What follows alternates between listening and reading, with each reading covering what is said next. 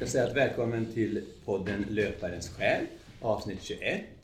Vi gör det här i samarbete med Sweden Runners som är en löparklubb uppe i Dalarna. Och i resten av landet också, måste vi säga. Och idag har vi åkt ner till Stockholm för att träffa Björn Synesson som är en nestor, får man väl säga, inom ultralöpning. En av de som hållit på längst här i, här i Sverige och gjort väldigt, väldigt många imponerande och intressanta um, löpturer. Vi kanske ska gå in på det, eller så får du själv presentera lite hur du ser på dig som löpare. Ja, du sa ultralöpare, men eh, det kallar jag mig inte alls för, för jag är ingen ultralöpare. Jag är en, eh, ja, jag vet inte vad. Men jag springer alltså inga ultralopp. Eh, och, och, men jag springer mycket. Och har väl kanske börjat bli lite mer sugen på att springa sådana här ultralopp. När man ser nu till exempel att jag springer alltså maraton och halvmaraton. Det är på motionselitnivå alltså, ja. har jag gjort. Uh, och nu när man ser att uh, tiderna blir sämre så, uh, börjar jag snegla lite på det där med ultra också kanske. Va? Men jag har bara sprungit faktiskt två sexdagars tävlingar. Det är allt i ultraväg. Ja, bara säger du. Det är, de flesta har väl aldrig gjort något sånt. Så det... Nej, nej. Men visst, jag springer väldigt mycket. Jag är alltså en mängd, mängdgubbe så att säga. Va? Och har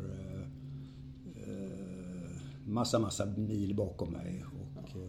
Skulle inte förvåna mig om du är den som har flest mil i Sverige i alla fall. Um, ja, det är, svaret är nej.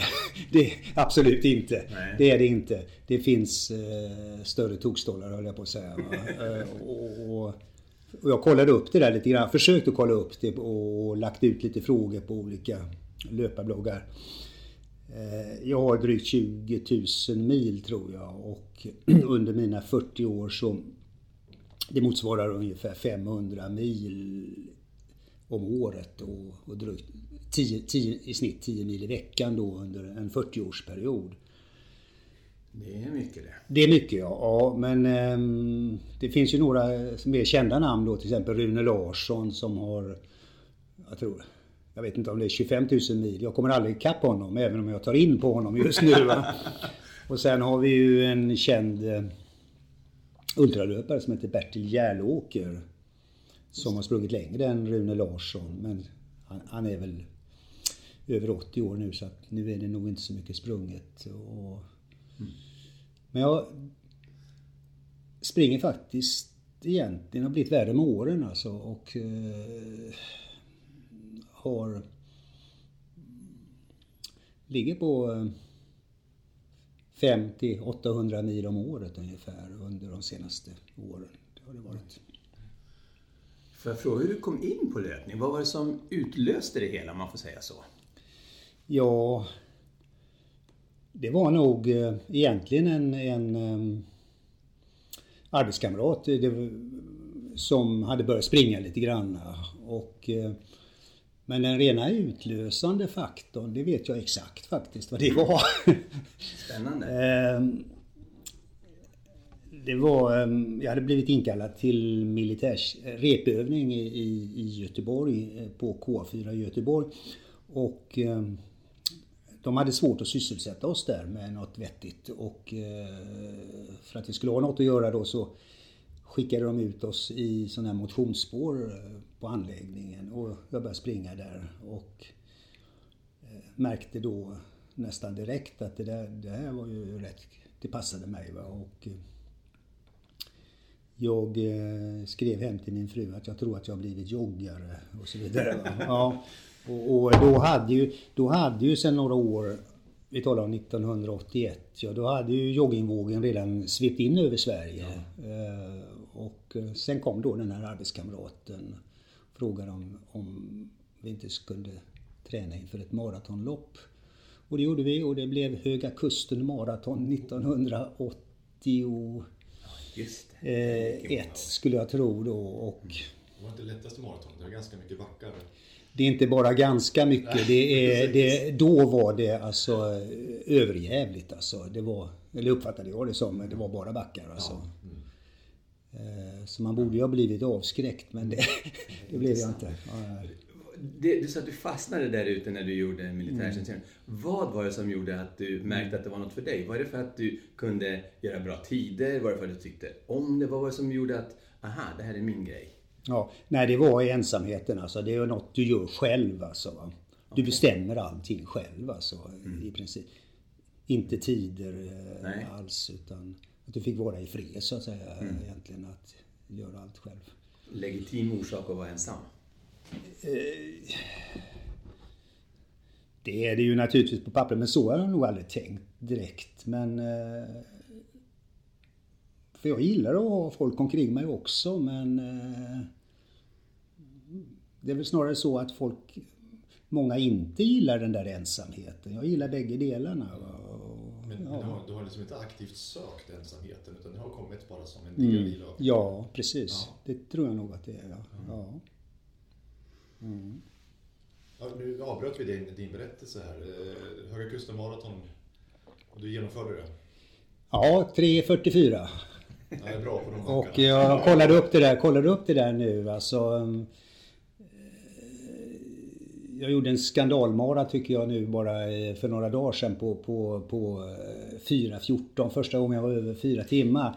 Så att Höga Kusten, det hade jag ju inte gjort idag. Nej, Men det här med ensamheten kommer tillbaks, men det är någonting som har genomsyrat din löpning, ja. alla långsträckor. I, Absolut, ja. I somras så sprang du igenom alla eh, landskap också. Mm. Eh, ensam. Ja. Eh, och jag har märkt att jag klarar det där. Jag trivs, får göra allting själv och, och mm, när jag, lägger, jag springer med en, en, en, en babyjogger då, en trehjulig löpvagn och har all min utrustning i och tar in på hotell och springer en 5-6 mil om dagen under sådana där löpningar. Och eh, erfarenheten har ju lärt mig då att eh, när jag lägger mina händer på denna joggingvagn så är jag helt övertygad om att jag kommer att nå dagens slutmål. Det finns inte en susning om, om osäkerhet alltså. Inte minsta tvivel? Nej, nej. Inte minsta tvivel. Jag är helt säker på att jag kommer fram. Och din, du litar på din kropp också? Ja, ja. Det skulle vara en skada. Nu har jag haft turen att i princip nästan aldrig varit skadad heller. Men Eh, jag kan väl säga då att under första, första långa löpningarna, kanske då i första långa i Amerika, jag sprang ifrån Chicago till New Orleans, en, ett tredjedels coast to coast. Då var jag så naiv så att jag överhuvudtaget kanske inte ens fattade att det kunde vara besvärligt. Och, och sett i efterhand så var det också det, det, det mest eh, fysiskt besvärliga. Då var jag så oerfaren. Jag, tänkte, jag tvivlade inte heller då alltså. Men sen något år senare när jag gjorde då ett tre gånger längre löp över hela Amerika. Då hade jag väl tvivel om jag tänker efter i början om, att det, om det skulle gå eller inte. Men har man hunnit en tredjedel eller, eller några veckor så, så försvann det.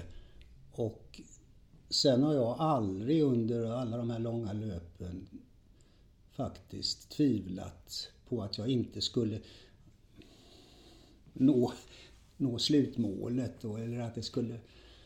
För att det har alltid gått, det har alltid gått bra. varför? Jag liksom tänker sådär att ja, det gick ju bra i, igår, varför skulle det inte gå bra idag? Och så vidare. Så att, eh, och det varit ganska skönt att ha den inställningen. Är det en inställning som man aktivt kan träna sig i tror du? Eller är det någonting som du har fått av erfarenheten så att säga, att, att du har gjort så mycket? Ja, träna och erfarenhet är kanske samma sak. Alltså, jag, det är inte, har man inte har jag varit någon, någon eh, jag har varit en rätt, lite osäker person alltså. Eh, kanske. Har... Inte haft så kanske jättestort självförtroende men, men det är något man kan träna sig till, eller har, har jag i alla fall tränat mig till tror jag. För vi har ju i vår podd tidigare diskuterat det här med tvivlets roll mm. i löpning där det mm. finns vissa som säga att man aldrig kan vara säker på att man kommer fram för det kan ju alltid hända saker och som nästan är motiverade av tvivlet men nu är det nästan tvärtom. Tvärtom ja. ja.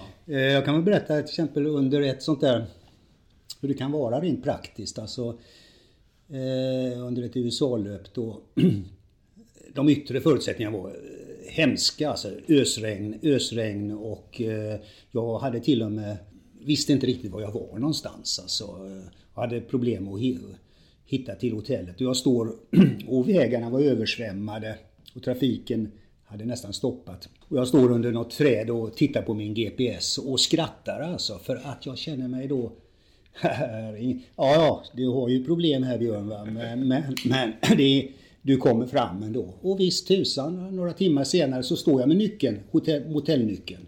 Alltså, man får så mycket funderingar, som sagt vi, vi är väldigt olika vad det gäller tvivlet. Men, men jag tänker att du var skadefri eh, under mm. de här 30 åren. Ja, 40 år. 40 år, ja. förlåt mig. Ja. Eh, kan det hänga ihop med den här tanken om att ja, men, du tvivlar inte? Alltså, Nej, det tror jag inte. Det tror jag inte alls för att eh, det, det beror på mitt träningsupplägg, alltså, skulle jag tro.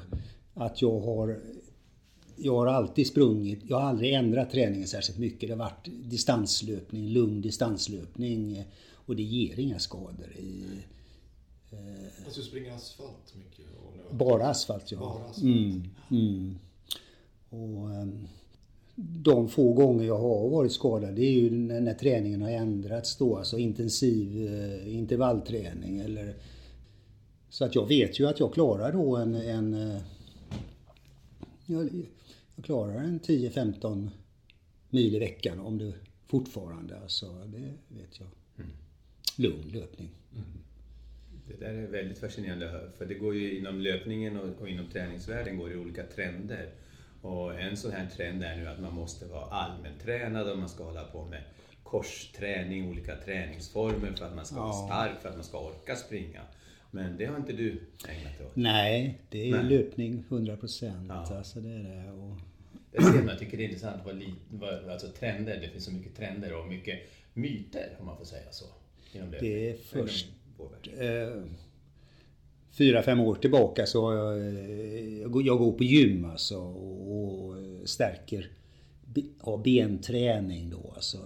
Eh, och det, det orsakades av, eller jag startade med det på grund av att jag fick diagnosen artros i, i ett knä. Va? Och artros som förmodligen inte har något samband alls med min löpning utan det är mer åldersrelaterat, mm. säger läkaren i alla fall. Mm. Och, eh, men jag lyckades då, jag är ju rätt i, eller idog också, alltså när jag ska göra något så gör jag det 100% Så att jag, jag blev, den här artrosdiagnosen fick jag då för en, ja, 6-7 år sedan kanske. Va? Och, lyckades då med...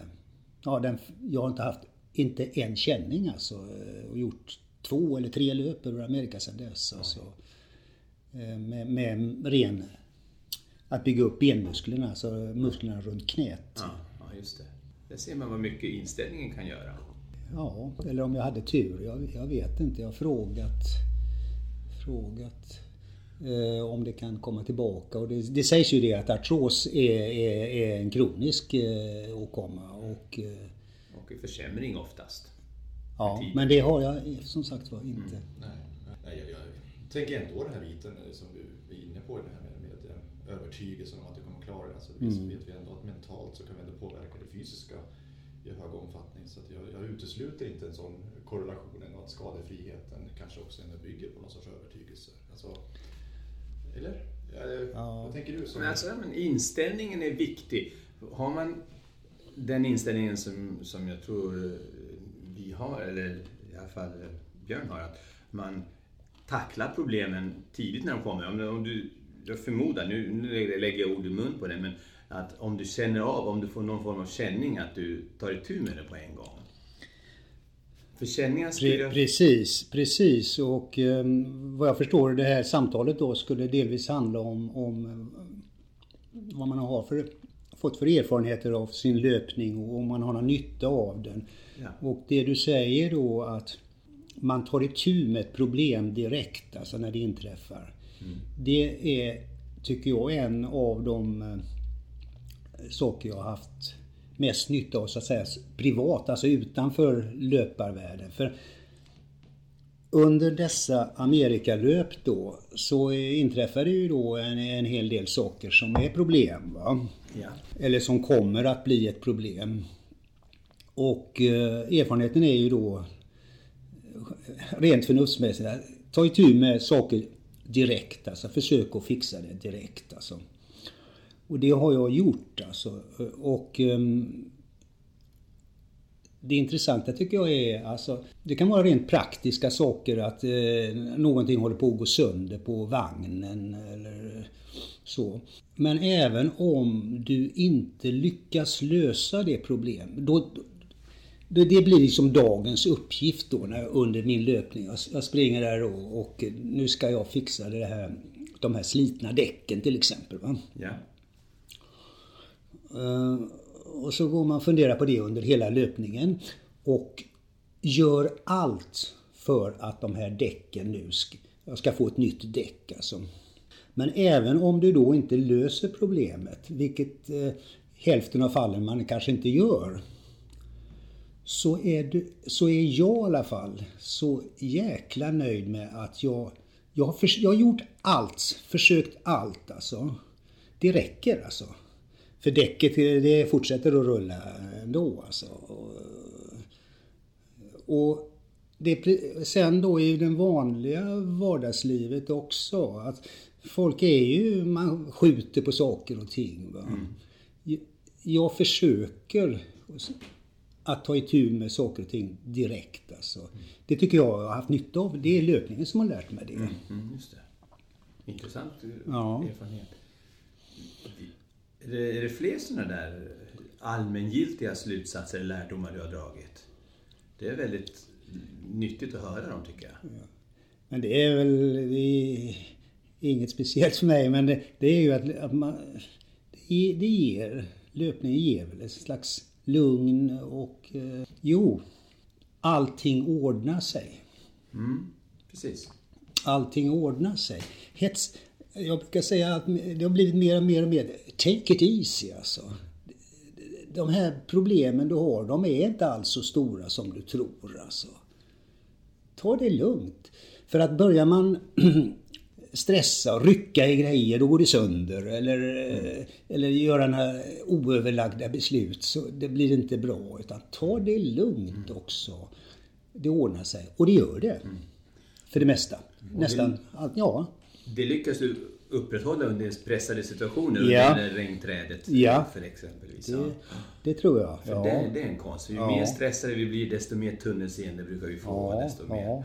Mm, det är en Men bra det... lärdom. Är, är det någonting som du... Du måste ändå i vissa tillfällen känt, ja, men, när du springer över Atlanten, att du känner att ja, men här... Eller har du aldrig känt, nu, nu vill jag lägga av? Nej. Faktiskt inte. Nej. Faktiskt inte. Eh, den tanken har aldrig funnits. Eh, jo, eh, en, en, en gång. Och då var jag helt förtvivlad faktiskt. Men det var, det var när min, min dator gick sönder. Hade hunnit halvvägs ungefär mm. på grund av regn och så vidare. Och i datorn hade jag då alla koder och förbindelser med ditten och datten. Ja. Och då visste jag inte... Det gick inte att reparera heller och jag, jag tvingades, det var, jag springer ju varje dag så att jag tvingades göra ett uppehåll i en stad då eh, en extra dag. Det grämde mig lite grann. Mm. Eh, och då tog jag, tog jag nog inte det easy som jag säger här. Alltså. Men eh, jag lyckades i alla fall. Eh, min son han är datakunnig i branschen och eh, lyckades få kontakt med honom. Och det, det ordnade sig genom att jag... Men då var jag helt förtvivlad alltså. Då, då tänkte jag faktiskt nu åker jag hem. Och bara att åka hem och stå där naken mer eller mindre mitt i Amerika. Det är inte heller så lätt alltså. Men eh, han lyckades få mig till att köpa en ny dator och jag fick tillbaka allting. Och eh, just tekniskt, när det handlar om datorer och det, det, då är jag osäker. Men där var jag förtvivlad. Och en annan gång också när jag sitter på ett hotellrum och datorn plötsligt inte fungerar. Och min son då, jag lyckas ändå få kontakt över Skype och han fjärrstyr mig och, och återställer allting. Alltså. Okay. Så visst har man det, det, Jag har varit förtvivlad några gånger. Det har varit. Men annars har du aldrig funderat nej, på Nej, nej, nej. Men då, då kommer det en sorts grundläggande fråga här. Liksom var, ditt varför. Alltså varför gör du det här? Springer 10-15 mil i veckan, att ta sig an alla landskap. Vad, är, vad ger det dig? För? Ja ja, det är ju den svåraste frågan att besvara alltså, men eh, jag tror jag börjar närma mig svaret. Och det är att Herregud Björn, du är 73 vårar. Du springer maraton och du springer hundratals mil. Alltså, det är fantastiskt. Man blir ju glad varje dag. Så det är väl svaret nu då, att man gör det. Ja. För att man kan menar du? Ja, att, faktiskt att det går. Ja, att man kan. Ja. Ja. Men det har ju inte varit drivet tidigare kanske. Men det har blivit... Det gör nog att jag eh, har inga planer på att lägga av. Alltså, det har jag inte. Ja, men jag tänker samtidigt också när du, när du springer de här långa tiderna som du är ute också antar jag per dag. Alltså, mm. det tar ju ganska många timmar. Alltså, ja. Den här tankeverksamheten som vi alla brottas med. Många brottas ju med, med klockan och man ska se hur fort det går och allt senare.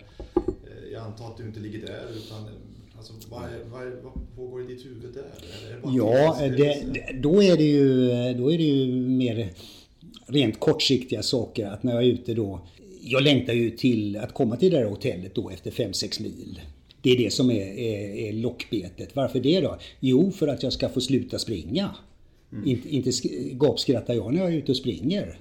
Det gör jag inte. Och så ser jag fram emot, när jag kommer fram till det hotellrummet. Nu tappar jag upp ett bad. Jag tar en, sätter en Coke, kall Coke på badkarskanten och en Snickers. Mm. Eh, det lockar, det driver. Va? Det är som en rutin du har. Ja, och sen efteråt så um, går jag ut och äter gott. Och så vidare. Det är alltså vilan och, som lockar. Och sen under dagen så tänk, jag har ju en löparblogg alltså, som jag haft under väldigt många år. Det kanske är en av Sveriges äldsta löparbloggar då. Jag, gjorde ju då reportage och sånt där under USA-löpen mera. Inte, inte att jag sprang från punkt A till B och hur det kändes utan mera reportage då. Mm. Och då, under då den där löpningen så det enda man egentligen funderar på är väl då kanske vad ska jag skriva om idag då eller ta upp vilket ämne och så. Ja, för det, det, det kan jag tänka mig att man, när man väl kommer in i en rutin så, här, så det blir inte så mycket nyhetsmaterial egentligen. Ja, ja det är det.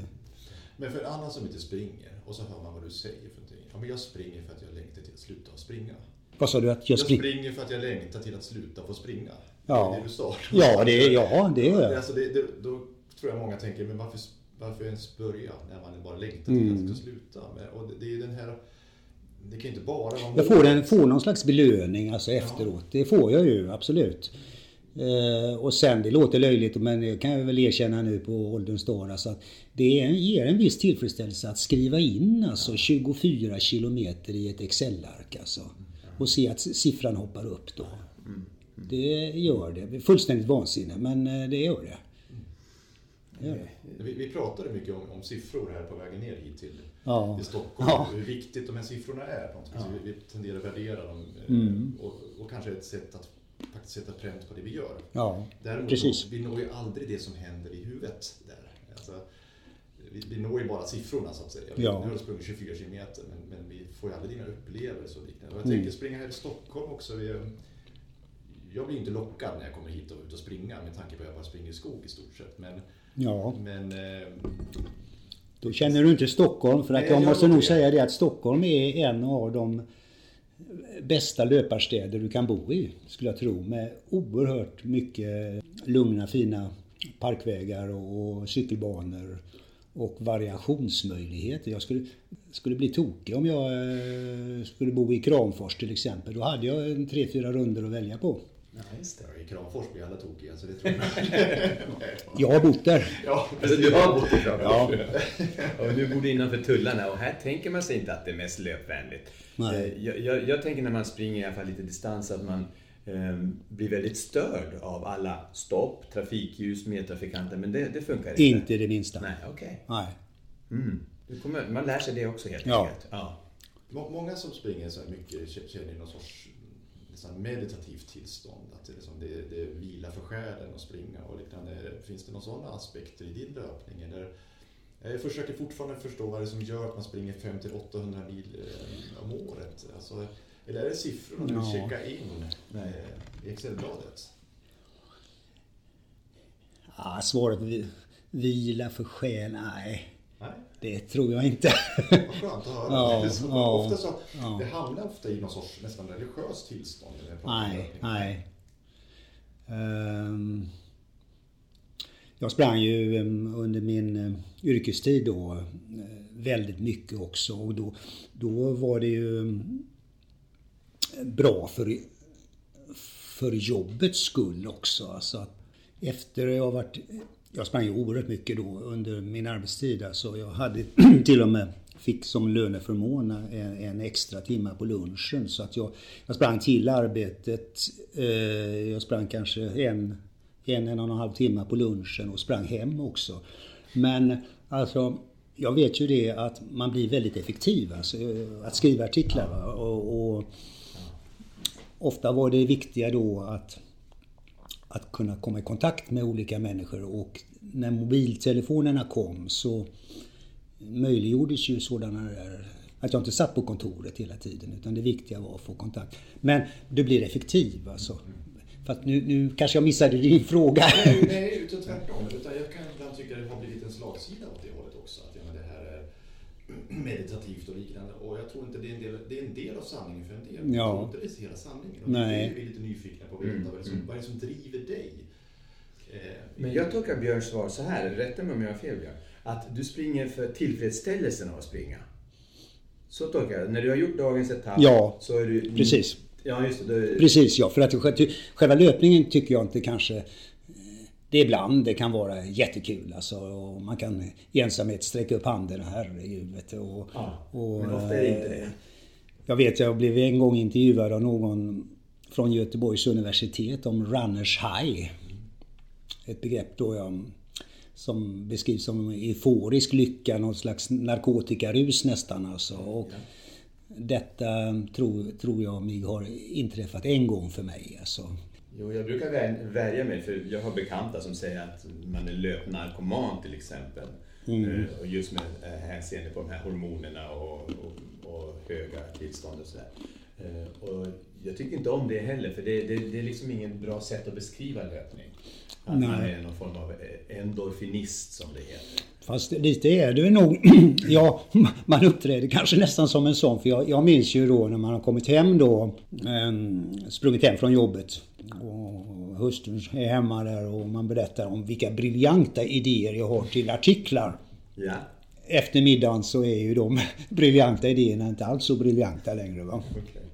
Nej. Men det är ett fenomen som jag ofta stöter på, både hos mig och hos andra tycker jag, att när man rör på sig så kommer man in i ett annat tankemönster som gör att man löser problem, man tänker eh, annorlunda.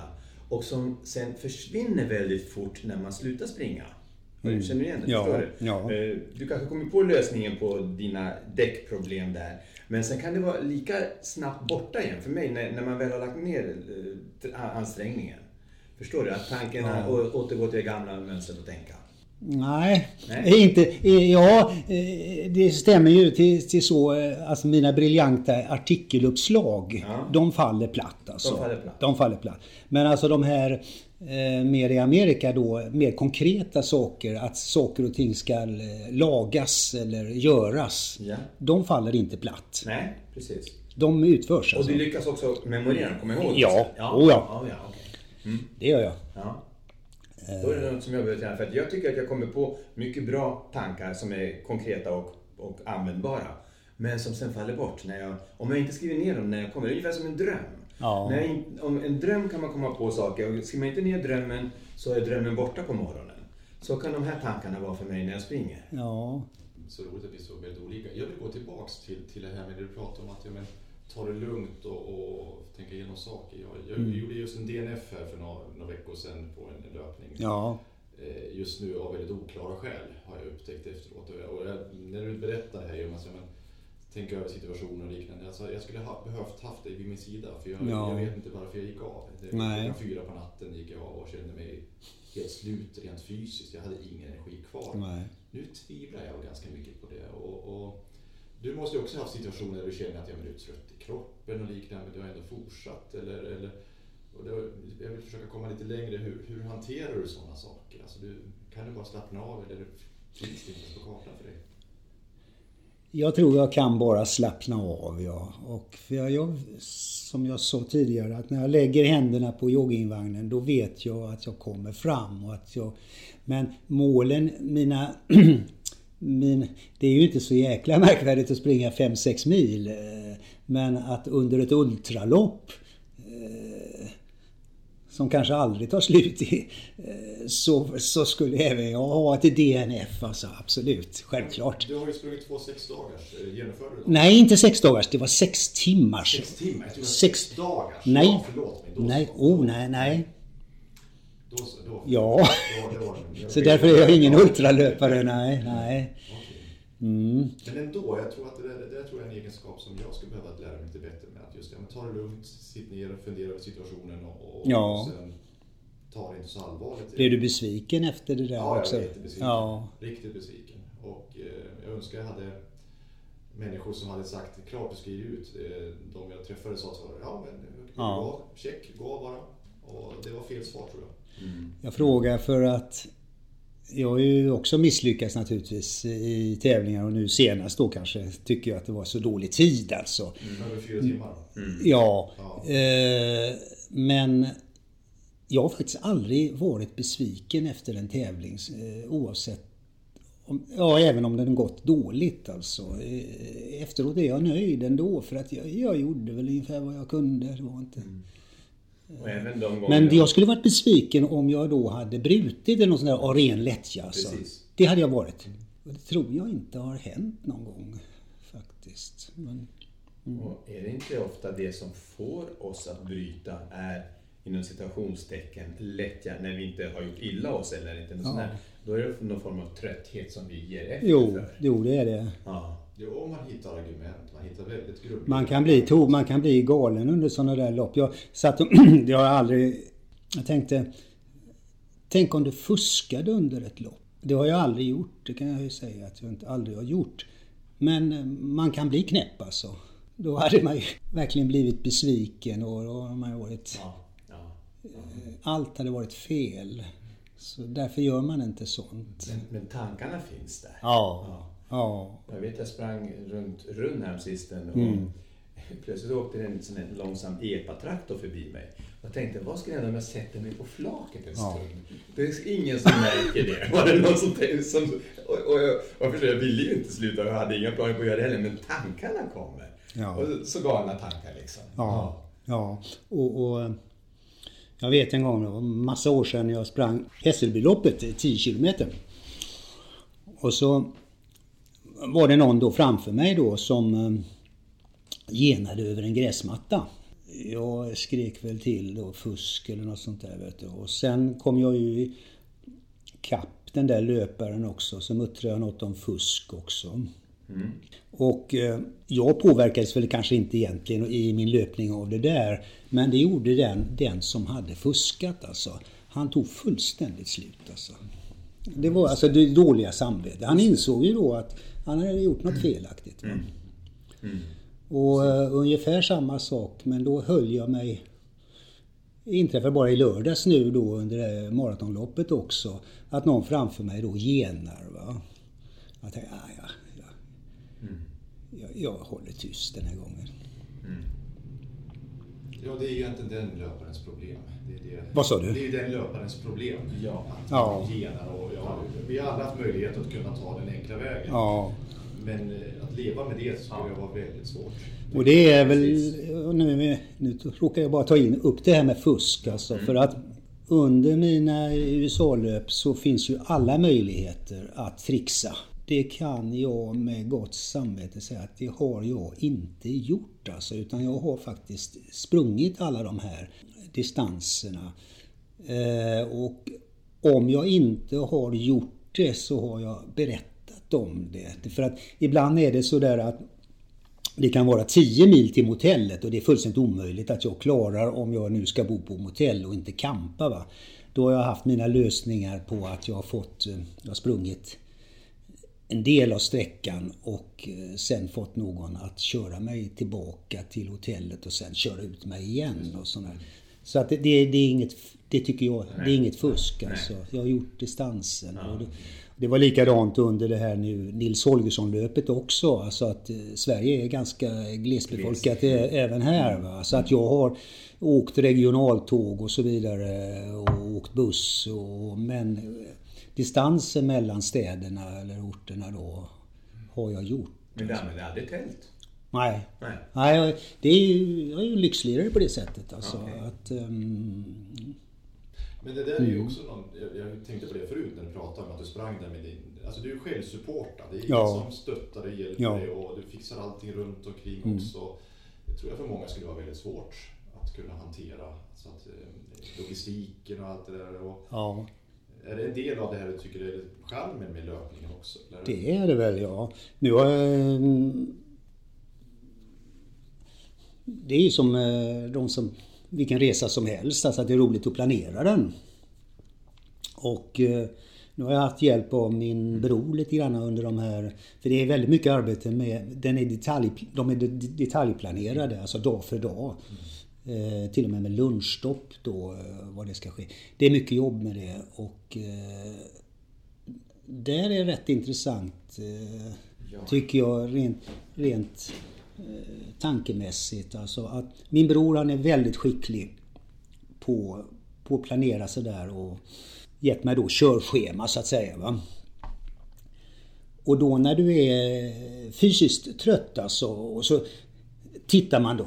Va? Han begriper ju fan ingenting. Nu har han skrivit 65 kilometer. Jag är ju helt slut. Jädra idiot. Eh, om jag skulle ha skrivit 65 kilometer. Jaha, då är det 65 kilometer. Ja, så att eh, jag har då själv under senare år gjort planeringen alltså. Och det där har jag förstått och det, det tycker jag är väldigt intressant. Du har väldigt mycket tekniska hjälpmedel från datorer till GPS ja. och mycket teknisk apparatur. Du är väldigt detaljplanerad. Ja. ja. Vad är det som gör att du väljer den approachen? En annan approach skulle kunna vara att bara springa efter väder och vind och huvud. Jag skulle hemskt gärna vilja göra så och det är Rune Larssons, eh, som, Rune Larsson då, ultralöpare, som har påverkat mig mycket. Hans filosofi att ta dagen som den kommer då. då. Men jag är för, jag är för dålig löpare och jag vet vad jag klarar ungefär. Va? Och, Hur menar du då? För dålig löpare? Jag klarar inte att springa 10 mil en dag eller något sånt där. Det gör jag inte. Du skulle kunna klara 5 mil om dagen och ändå springa oplanerat, fritt. Ja, jo det har du rätt i kanske. Ja, jag hade tänkt så. Nej. Men, men det, det är ganska svårt. Till exempel i Amerika måste du nästan hålla koll på läget. I Sverige skulle du kunna göra så. Ja. Och det tycker jag verkar väldigt trevligt att kunna göra det. För ja. det är ju... Planeringen är en hjälp men det kan också vara ett mm. hinder. Ett, ett, ett, nej, för mig har det aldrig varit ett Nej, det har aldrig varit ett hinder utan nej. det har varit en hjälp. Men, men det kanske skulle ge en extra kick att att, jaha, nu ligger den här Västervik där borta. Nu är jag ja. visserligen här, men det kanske vore trevligt att springa till Västervik. Ja, precis. Eh, och så vidare. Va? Men så har jag aldrig gjort. Jag, jag har inte vågat. Eh, för att jag är för dålig, tycker jag. Jag har inte de där extra milen i kroppen. Det där är väldigt respektingivande. Jag tycker du är en av Sveriges bästa, om jag får säga, som ja. löpare. Och ändå så har du, eh, säger att du inte vågar. Det, Nej, det vågar jag inte. Nej. Jag är en, är en det kommer vi kanske in lite på. Jag är en försiktig general. Va? Ja. Eh, och jag har läst om sådana här coast to coast-löpare då som de känner sig oövervinneliga. Va? Och, eh, det går så bra allting. Och så, och så klämmer de till då med eh, när de ligger på fem mil så klämmer de till med åtta mil en dag eller någonting. Va? Vansinne alltså. Mm. Vansinne. Mm. Och sen någon då blir skadad alltså. Mm. Utan ja, ja. långsamt, långsamt, långsamt ja. försöka öka dina distanser. Annars händer det någonting alltså. Det... Det, I det här att du vill springa ensam, är det också för att slippa att folk drar, drar ja. uppåt? Och, eller? Precis. Jag har varit med, eh, deltagit i, i många sådana här eh, att vi har sprungit till Kalmar och vi har sprungit till Varberg och ditten och datten.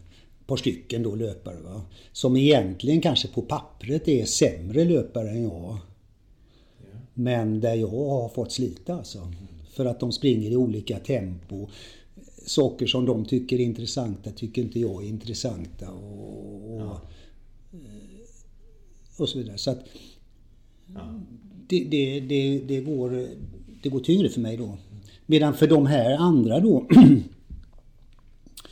eh, kanske jag är en hjälp för dem snarare. Alltså. Men, men eh, de, de hjälper inte mig. Alltså. Det är en distraktion snarare? Någon, de är duktiga, visst är de det och de kan måla på. Men ändå blir jag efter på något sätt ändå. Trots att jag kanske är... under ett USA-lopp skulle springa snabbare än dem. Ja. Alltså. Men, det, Men vi är lite olika som personer också. En del är mer sociala och får nästan energi av att springa med andra. Ja. Så. Och andra är mer ensamlöpare ja. och får mindre energi av det. Ja. Jag vet för min egen del, det tror jag vi har pratat om förut också, jag kan bli arg på vid tävlingar när folk som står och hejar på längs vägen skriker i öronen på mig. Jag tycker sånt ger mig mindre kraft än mera kraft. Nej, det, det däremot, då är vi olika. Ja, jag blir aldrig, alltså det har jag också lärt mig med åren, alltså att någon, om någon hejar på dig, jag suger åt mig allt som sägs längs vägen. Och det är något som jag har lärt mig faktiskt. Människor är snälla, ja. hjälpsamma. Alla är nästan det och vill dig väl. Ja. Och jag lyssnar exakt på vad de säger. God bless you, säger de. Ja. Tänker jag på hela dagen. Det var en människa som stod där och skrek eller sa till mig God bless you. Mm. Så um, jag blir inte arg på folk som som visar vänlighet. Och knappast heller, det är ingen som egentligen är elak heller. Men det, det, det försöker jag skaka av mig i så fall. Ja. Jag menar snarare att jag blir distraherad av det. Mm. Och det är klart att man måste vara trevlig och, och, ja. så. Eh, jag, jag, förstår. Men att jag har, jag har alltså ren nytta av alla dessa vänliga ord. Och jag minns från USA också då, det är där jag har de bästa erfarenheterna faktiskt av ensamlöpning. Och någon som kommer fram på hotellet och ger mig någon liten eh, pinnål eller vad det är, något sånt där vet du, och säger något vänligt. Den där lilla nålen den kan jag fingra på flera dagar sen efteråt och ha kvar. Och det var en människa som ville mig väl och det har hjälpt mig. Det, jag har så många, många exempel på detta. Alltså. Lyssna på vad folk säger. Mm. Och de som är riktigt, riktigt snälla, det är de, det är de som är de lägst stående, höll jag på att säga. De fattiga människorna. Jag är aldrig rädd när jag är ute och springer. Jag har mött de mest hemska människor, skulle man kunna säga, som man normalt inte skulle eh, träffa och gå in i deras hem alltså. Och det märker folk alltså. Det märker folk att jag inte. försöker lyssna på dem och att jag inte är rädd. Mm. Och att jag är intresserad av dem. Mm. För alla är, är, ju, är ju intressanta. Mm, och då får man ett väldigt bra bemötande också. Och det är väl sånt där kanske som Tyvärr är jag för avståndstagande mot, i vardagslivet mot många och tycker att det, det där är jädra idioter eller något sånt där. Va? Men jag önskar att jag skulle kunna vara sån i vardagslivet som jag är under ett ensamlöp. För då är jag, tror jag, intresserad, snäll och lyssnar. Den bästa versionen Ja, ja. Du, blir, du blir en bättre människa. Det tycker jag nog faktiskt att jag blev. Mm. Det tycker jag. Sånt som jag vill att andra ska vara mot mig själv. Mm. Faktiskt. Ja. Det är ja. Men du, eh, 73 år gammal. Ja. Säger du. Mm. Eh, och du kommer fortsätta springa så länge du kan? Ja. Vad är planen? Har du liksom tänkt, hur ser du på framtiden? Ja, det, det rena tävlandet kanske jag eh, slutar med om några år. Eh, nu gick det inte så bra i ett maratonlopp med 4.13 då och jag såg att det var tre som var det var veteran-SM och det var, jag var ju ensam i klassen nästan, eller två. Men jag såg att i Stockholm Marathon samma dag så var det tre som var före mig. Lite före mig där och eh, närmaste planen är väl då att försöka hitta något maratonlopp så att jag gör det bättre. Så jag kommer upp bland topp tre i alla fall i Sverige i åldersklassen. Men eh, närmaste planen är ju ett nytt Amerikalöp. Nu ser det väl ganska mörkt ut kanske för, för eh, nästa år för att det är inte säkert att man kan resa in heller och göra det. Eh, sen... Du planerar flera Oh ja, oh ja, ja, jag skulle ha gjort det i sommar och till och med sommaren dessförinnan. intrycket av att ditt sjunde att du hade fått nog? Nej, nej, nej. nej det har jag inte. Ja, spännande. Det har jag inte. Och, eh, och planen är då kanske att när jag är 75 år att jag ska springa eh, Boston Marathon och eh, fortsätt, jag har gjort det en gång tidigare. Då blev jag fyra i Boston Marathon då när jag var yngst i 70-klassen. Eh, ett, ett lopp som jag faktiskt lite grämer mig över. Alltså, att det inte blev bättre där va. För det, där är rätt hård konkurrens alltså. Det är det. det, är det. Uh, jo, att då det skulle vara drömmen men jag kommer inte att få tillstånd från min fru tror jag. Det är att springa Boston Marathon, alltså springa tvärs över Amerika. Och när jag har gjort det, springa tillbaka igen. Tur och retur. Ja. Oj. Det är inte många som har gjort det överhuvudtaget. Det finns ingen. Nej. Oj, vilket äventyr. Wow. Jag förstår ja. att det finns eh, hinder hemifrån. Ja, jag, annars är ju min fru har varit väldigt... Och det, det är också sånt som absolut är nödvändigt för sådana här långa löp, ensamlöp. Att, eh, att inte känna att du är på rymmen. Va? Mm. Så hon har ju då... Det är fantastiskt. Jag förstår inte hur hon har klarat det egentligen. Vi, har, vi, vi hade fem barn, alltså hon jobbade heltid. Eh, och jag var ute och sprang eh, tre månader i Amerika. Och fick mm. ihop det. Alltså. Det är en lyx. Ja. Men det tror jag inte kommer att bli. Det, det är liksom, liksom lite tokerier det där med fram och tillbaka. Men det, det kunde... Ja men det, det, tycker jag är fantastiskt och för, för mig som inte är lika gammal som dig ger det också hopp om att för ibland mm. så kapitulerar ju många när man blir äldre. Att ja men nu, ja. eh, och du känner att ja, jag vill försöka ta en bättre tid och, och mm. det där tycker jag är något fint. Ja, jättefint. Och sen är det vet du att om du då har Idén var nästan egentligen att springa samma... Alla de här löpen jag har gjort över har varit lite olika sträckor. Va? Men att springa exakt samma väg tillbaka för att det skulle gett, ge en säkerhet alltså på något sätt. Och rätt kul också att säga till motellägaren See you later. ja. Oh, härligt. Och mm. önskar att man kunde mm. hålla på så när man blev upp i ålder. Men det får vi se. Det får vi se. Ja. Spännande. Ja, men jag tror att vår tid börjar rinna ut. Ja, det finns ju så mycket tankar och funderingar så att eh, och det, jag hoppas många kommer att följa dig i det här lät ju som ett äventyr, som sagt det vet vi inte om det är av, men, men bara det att ytterligare en Amerikaresa och korsa, Atlant, eller korsa hela kontinenten. Det, mm. det, man blir lite lockad. Ja. Och sam, samtidigt säger du att ja, men det, det är målet att komma till, till hotellet och få ta badet och, och din, din ja. Coca-Cola. Eh, samtidigt så får jag intrycket också att en hel del möten du har under tiden också. Det, det, det brukar sägas, alltså det är mötena med människorna som är, är det givande. Mm. Och, i, och det som vi inte har kommit in på nu här, det är min löpning i Sverige nu, nu. Min normala löpning så att säga. Och jag kan väl säga bara det att jag är en nyttolöpare alltså i så avseende. Alltså att jag när jag springer så jag uträttar jag alltid ärenden egentligen. Alltså jag springer och handlar, jag springer och plockar blåbär, jag springer och tittar på nya bostadsområden. Det är alltid någon mening med det. Min, mina träningsrunder är inga vanliga träningsrunder mm. utan det är... Jag gör något av det. Jag har ingen bil till exempel. Va? Och, eh, det borde fler göra. Jag brukar springa och hämta paket och sånt. Ja, det gör jag alltid. alltid. Och jag är en så kallad runstreaker också så att jag springer, jag har på nu i, i sju år. Så jag springer varje dag någonting. Va? Mm. Men det är alltid någon... Jag tycker att bara ta en, en tur runt Brunnsviken utan vidare. Mm. Det lockar inte riktigt. Nej. Men så var det ju för, förr var det ju det. Men inte idag. Det är nytt, nytto.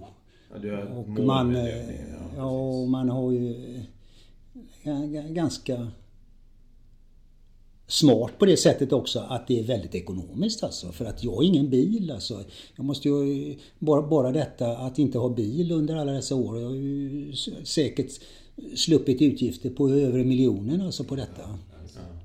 Och ändå fått uträttat lika mycket. Du får ha en stor ryggsäck och bära ja, maten i. Ja, ja. ja och varför ta Lidl, handla hos Lidl närmsta? Det finns ju Lidl nere i Farsta också. och så vidare. Så vidare, va? Och så vidare. Mm. Spännande. Ja.